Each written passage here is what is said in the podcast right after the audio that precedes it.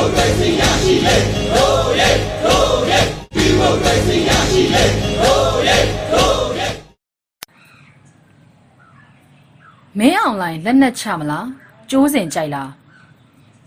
စက်တင်ဘာလလယ်ကစလို့ကုလသမဂ္ဂရှင်မြေမှာဇက်ရှိန်တက်ခဲ့တဲ့မြမအရေးဟာအောက်တိုဘာပထမပတ်ကိုရောက်တော့အပြန်အလှန်မဝေဖန်ကြီးအပြန်အလှန်ယူကျင်အောင်စောင့်ကြီးနဲ့တန်တမန်တိတ်ဆန်တယ်လို့လို့ရှိလာတဲ့ အာဆီယံစပွဲဝိုင်းမှာပင်မျက်နှာချင်းဆိုင်မေကွန်းထုတ်လာရတော့တယ်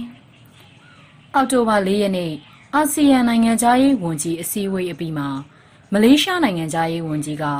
မြမအရေးဟာခက်ပြက်ပြက်မေးရတော့မယ့်နေ့ကိုရောက်လာပြီလို့ပြောလိုက်တယ်လို့ပါပဲ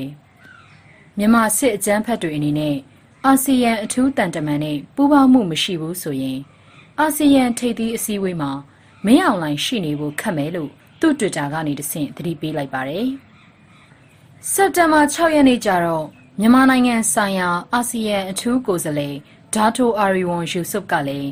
အာဆီယံထိပ်သီးအစည်းအဝေးကိုမင်းအောင်လှိုင်ကိုတက်ခွင့်မပြုဖို့အာဆီယံနိုင်ငံတွေဆွေးနွေးနေတယ်လို့ထပ်ပြောလိုက်ပြန်ပါတယ်။အဲ့ဒီမှာမြမအရေးအာဆီယံဘလို့တွေးနေပြီလဲဆိုတဲ့ဒီဗိတ်ကအလုံးအရင်နဲ့စတင်လာပါတယ်။အာဆီယံဆိုတာမတူညီမှုတွေနဲ့စုဖွဲ့ထားပြီးအာဆီယံတက်တန်းတစ်လျှောက်လုံးအသင်းဝင်နိုင်ငံတွေကို တနိုင်ငံချင်းစီရဲ့ပြည်တွင်းရေးကိုဝင်မဆွတ်ဖက်ရကောင်းစဉ်နဲ့ဝေဖန်မှုကင်းခဲ့တဲ့အသင်းဆိုတဲ့အသားကျပြီးသားအာဆီယံအစဉ်အလာကိုမဖြစ်မနေထည့်တွက်ကြရပါတယ်။ပြီးတော့မြမအရေးနဲ့ပတ်သက်ပြီးအင်ဒိုနီးရှားဖိလစ်ပိုင်စင်ကာပူနဲ့မလေးရှားကအာနာရှင်ချီးတုပ်ကြီးဟာဒေတာရင်းကိုကြော်လွန်ပြီးကဘာပတ်မှွေနံလွန်းလာကြောင်းလုံးဝမကြံအောင်လှုံ့ပစ်ချင်နေတာသိကြပေမဲ့တစ်ဖက်မှာကြတော့လေနံပေမဲ့ ကို့ဘာသာနှာခေါင်းပိတ်ထားလိုက်မယ်ဆိုတော့အသင်းဝင်နိုင်ငံတွေကလည်းရှိနေသေးလေတော့ဒါကိုလည်းထည့်စဉ်းစားရပြန်တယ်အလေးတာတဲ့မျက်နှာစာတစ်ဖက်ကိုကြည့်လိုက်ပြန်တော့အာဆီယံဘုံသဘောတူညီချက်9ရက်ဆိုတာအမေရိကန်အပါအဝင် အနောက်အုပ်စုရောကုလသမဂ္ဂရောတရုတ်ကပါအတည်ပြုထားတဲ့အတွက်ကမ္ဘာဘုံသဘောတူညီချက်9ရက်လို့ဆိုနိုင်တယ်။ ဒါအပြင်အမေရိကန်ကလည်းအာဆီယံကိုဒီဇိုင်းမမတ်အားထည့်ဖိအားပေးနေတယ်လို့ကုလစင်မြင့်ထက်မှလည်းမင်းအောင်လိုင်းဆိုတာနိုင်ငံတိုင်းရဲ့ထိတ်ပုတ်ခေါင်းပုတ်ခံခဲ့ရတယ်။အောက်တိုဘာ10ရက်နေ့မှာလည်းဥရောပသမဂ္ဂပါလီမန်ကစစ်အုပ်စုအာဏာသိမ်းမှုကို အပြင်းအထန်ရှုံချပြီး NUG အစိုးရနဲ့ CRPH ကိုထောက်ခံအားပေးလက်ခံကြောင်းဆုံးဖြတ်ခဲ့တာတွေနဲ့အထူးခြားဆုံးအခြေအနေမှာ တရုတ်ကိုယ်တိုင်ကစစ်အုပ်စုကိုညှင်းလာခဲ့ခြင်းပါပဲပြောရရင်အာဆီယံအတွင်းစည်းအားပြိုင်မှုမှာအာဆီယံမဟုတ်တဲ့အာဆီယံကိုမြင်ခွင့်ရတော့မလားဆိုတဲ့ဘက်ကပိုအားတာခဲ့ပါတယ်မိုက်ကုံမြင့်တဲ့စစ်အုပ်စုကတော့ရှင်းပါတယ်ဥဝင်းမြင့်ဒေါအောင်ဆန်းစုကြည်အစရှိတဲ့လူမှုခေါင်းဆောင်တွေနဲ့ပေးမတွေ့နိုင်ဘူးလို့အပြက်ပြောလိုက်ပြီးအာဆီယံကိုရောနိုင်ငံတကာကိုပါဂရုမစိုက်ဘူးဆိုတဲ့အပေါက်မျိုးနဲ့အန်တုလိုက်ပါတယ်။ ကျွန်တော်တို့မမြင်ရတဲ့အပိုင်းမှာတော့စစ်အုပ်စုဟာအာဆီယံနဲ့အတွင်းကျိတ်ညှိနှိုင်းမှုတွေလွန်းထိုးနေမဲ့ပုံပါပဲ။ပြီးတော့အောက်တိုဘာ17ရက်နေ့ရောက်တော့အာဆီယံအထူးတန်တမန်နဲ့နိုင်ငံရေးပါတီတချို့နေပြည်တော်မှာတွေ့ကြမယ်လို့သတင်းထွက်ပေါ်လာပါတယ်။နိုင်ငံရေးပါတီ၈ပါတီကိုနေပြည်တော်ပြည်ထောင်စုရွေးကောက်ပွဲကော်မရှင်ရုံးမှာတွေ့ဖို့ဖိတ်ကြားထားတဲ့အဖိတ်ခံရတဲ့ပါတီတွေကိုကြည့်လိုက်တော့အကြမ်းဖက်စစ်အုပ်စုနဲ့အတူမိုက်တွင်းနှက်ခဲ့တဲ့ရှစ်ပါတီ ထုံးစံအတိုင်းဒုတိယအာဏာရှင်တည်ထောင်ခဲ့တဲ့ကြက်ဖွန့်ပါတီဟာထိတ်ဆုံးကပေါ့နိုင်ငံရေးပါတီတွေကိုဖိတ်ထားပြီးမှ AR သတင်းမှာယူဆုပ်လေရင်ထွက်ခါနီးနောက်ဆုံးမိနစ်ကြာမှလှည့်ပြန်ခဲ့တဲ့ဆိုတဲ့သတင်းအရစစ်အုပ်စုနဲ့အာဆီယံအထူးတန်တမန်ကြားအ ਨੇ ဆုံးအဆင့်လာပြစ်ဖို့များတယ်ဆိုတာမကညှိနှိုင်းပြီးသားဖြစ်မယ်လို့တွက်ဆနိုင်ပါတယ်အာဆီယံအထူးတန်တမန်မလာတာတေချာတော့မင်းအောင်လိုင်းနဲ့ဝနမောင်လွင် ဘုံခိုခြင်းနဲ့ပြေးဝင်ပြီးအသေးကွဲတချင်းကိုဗျိုင်လူဟစ်မိကြမယ်ပုံပါပဲအောက်တိုဘာ15ရက်နေ့မင်းအောင်လိုင်းကိုမဖိတ်ဖို့အာဆီယံနိုင်ငံသားရေးဝန်ကြီးတွေဆွေးနွေးကြတေချာပေါက်မဖိတ်တော့ဘူးလို့ဆုံးဖြတ်ကြတယ်အာဆီယံအထူးတန်တမန်ကလည်းသူ့အနေနဲ့မြမငင်းချမ်းရေးလုပ်ငန်းစဉ်မှာပါဝင်ပတ်သက်သူအလုံးနဲ့တွေ့ခွင့်မရဘူးဆိုရင်မြန်မာနိုင်ငံကိုတွားရောက်မှာမဟုတ်ဘူးလို့ဆိုပြန်တယ် အာဆီယံကိုဒီလောက်အစိပ်ပြင်းလိုက်မယ်လို့မင်းအောင်လိုင်းမထင်ထားခဲ့လေတော့ချက်ချင်းမျက်နာဖြူဖက်ဖြူရောဖြစ်သွားခဲ့ပုံပါပဲ။ဘာကြောင့်အာနာသိမ့်မိခဲ့လေတလဲလို့တွေးမိမဲ့ပုံမှာဘလောက်တင်ငယ်စရာကောင်းလိုက်လေတလဲ။အာဆီယံတက်တန်းတစ်လျှောက်လုံးမှာအခုလိုချိုးနှိမ်ခံရတာမျိုးတစ်ကြိမ်မှမရှိခဲ့လေတော့မင်းအောင်လှိုင်ဟာအာဆီယံတမိုင်းမှာပထမဆုံးအကြိမ်အပေခံမော်ကွန်းရေးထိုးနိုင်ခဲ့သူဖြစ်ရတယ်။အာဆီယံညီလာခံမှာ ဝန်ကြီးချုပ်ကြီးမင်းအောင်လှိုင်အဖြစ်တက်ရောက်လိုက်မဟဲ့ဆိုပြီးအားခဲခဲ့လေသည်များမျက်ရည်နဲ့မျက်ခွက်သာရခဲ့လေခြင်းပေါ့။မင်းအောင်လှိုင်တို့ထုံးစံအတိုင်းကြောက်မိတော့လဲကြောက်ကန်ကန်တော့တယ်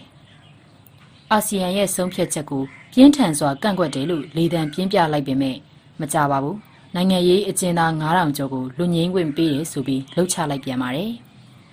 ။မကြောက်ဘူးဆိုပေမဲ့ကြောက်တယ်ဆိုတဲ့သဘောကြောက်တယ်ဆိုပေမဲ့လည်းအမှန်တကယ်မကြောက်ဖဲ ကြောက်ချင်အောင်ဆောင်တဲ့သဘောပေါ့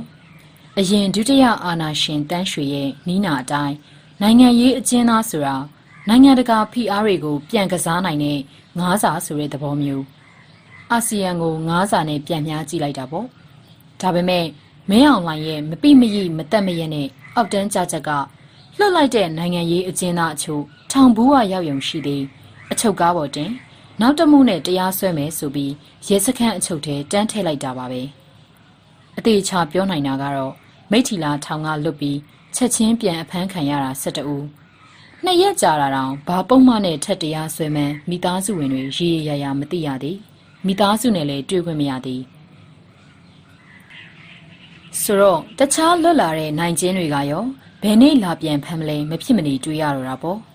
ပြောရရင်ထောင်ဘိုးဝါကထွက်ထွက်ချင်းချက်ချင်းပြန်ဖမ်းလိုက်တာဟာလွတ်လာတဲ့နိုင်ကျင်းဟောင်းတွေအားလုံးကို အချိန်မရွေးပြန်ဖမ်းမှာဖြစ်ကြောင်းချင်းချောက်လိုက်တာပါပဲ